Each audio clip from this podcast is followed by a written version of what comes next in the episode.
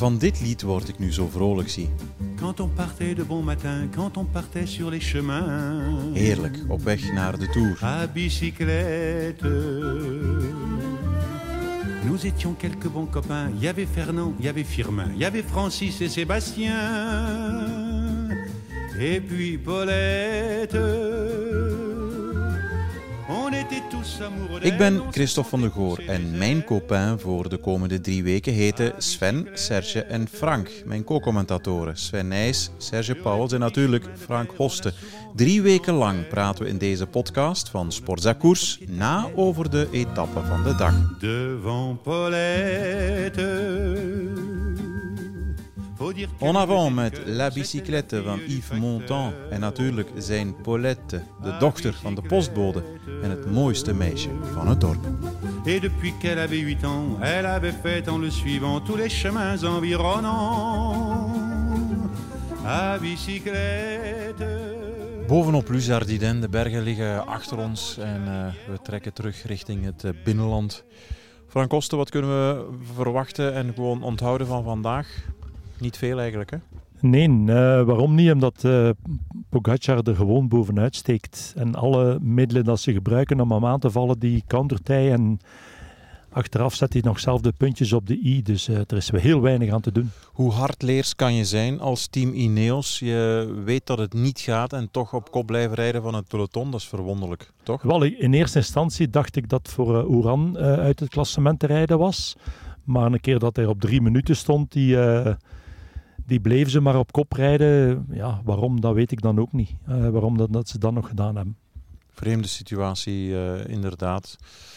Ja, misschien, eh, ze hebben op voorhand gezegd in de Ronde van Frankrijk, wij expect the unexpected. Hè. Probeer het onverwachte te verwachten, maar ja, dit, dit brengt eigenlijk weinig bij. En dan, ja, controlerend, we hebben het al zo vaak gezegd.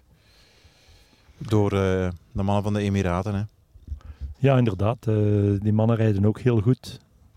Als je ziet hoe Rafael Maika terug zijn eh, goede benen, klimmersbenen teruggevonden heeft van eh, een paar jaren terug. Ja, dat is waar.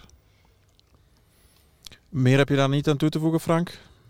Eh, meer heb ik daar echt niet aan toe te voegen. Ik denk Nee. dat we alles duidelijk gezegd hebben wat we moeten zeggen. Want Voilà. Juist Wout van Aert die toch voor mij heerlijk lang, redelijk lang aangeklampt heeft op Luzardiden. Mhm. En dat ik liever niet had gezien. Maar natuurlijk, hij rijdt in dienst van de ploeg. Het is ook een, een, een, het is ook een ploegman. Dus eh, hij, zal, eh, hij zal zeker niet eh, zijn kopman achterlaten. Nee. Alhoewel Sepp Kuss erbij was. maar ik zou het liever gezien dat hij beneden gewoon de handdoek in de ring gegooid had. En op het gemakske naar boven gereden is. Mhm. Allemaal in functie van de Olympische Spelen natuurlijk. Collega Renaat Schotten komt even gedag zeggen, hevig hijgend van 100 meter eigenlijk te moeten stappen op 1700 meter hoogte. Dus met jouw conditie is het niet al te goed gesteld, Renaat? De vermoeidheid hè, in zo'n ronde van Frankrijk, die begint ook te wegen bij de volgers. En eh, de helft van de Tour op de motor, soms tot 500, 600 kilometer per dag. Eh, kan je verzekeren, Christophe, het kruipt in de kleren. Ehm, Frank, kijk eens vooruit naar eh, morgen, want we gaan sprinten, dat is jouw terrein. Ja, morgen, eh, ik denk het niet. Ik zie het parcours is redelijk geaccidenteerd. Uh, Kolke van vierde in het begin al. Dat wil zeggen dat er zeker uh, probeerde een groep weg te rijden. En ja, wie gaat er uh, controleren? Wie heeft er nog baat van een massasprint? Ik denk dat Cavendish uh, met zijn ritten die hij gewonnen heeft en het, het groen in het vooruitzicht uh, op de Champs-Élysées nog een keer gaat uitpakken voor de rit te winnen. En voor de rest gaat hij morgen alles laten lopen, denk ik. Gaat hij zeker niet mee controleren. Het zou me sterk verwonderen dat hij nog uh, met Quickste, met zijn ploeg, de koers controleert samen met uh, Alpecin en Phoenix voor Jasper Philipsen. Ah ja, dus eigenlijk alles zetten op komende zondag. Ik denk Morgen het wel, geen ja. enkel risico nemen. Oké. Okay.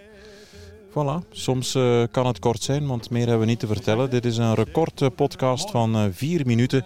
En Frank Kosten blijft gewoon voorbabbelen, ook al is de microfoon nog altijd aan. Maar dat uh, is ook wel vermoeidheid, want hij is hier toch al een dag of vijf. Dankjewel Frank, tot morgen. Dank u.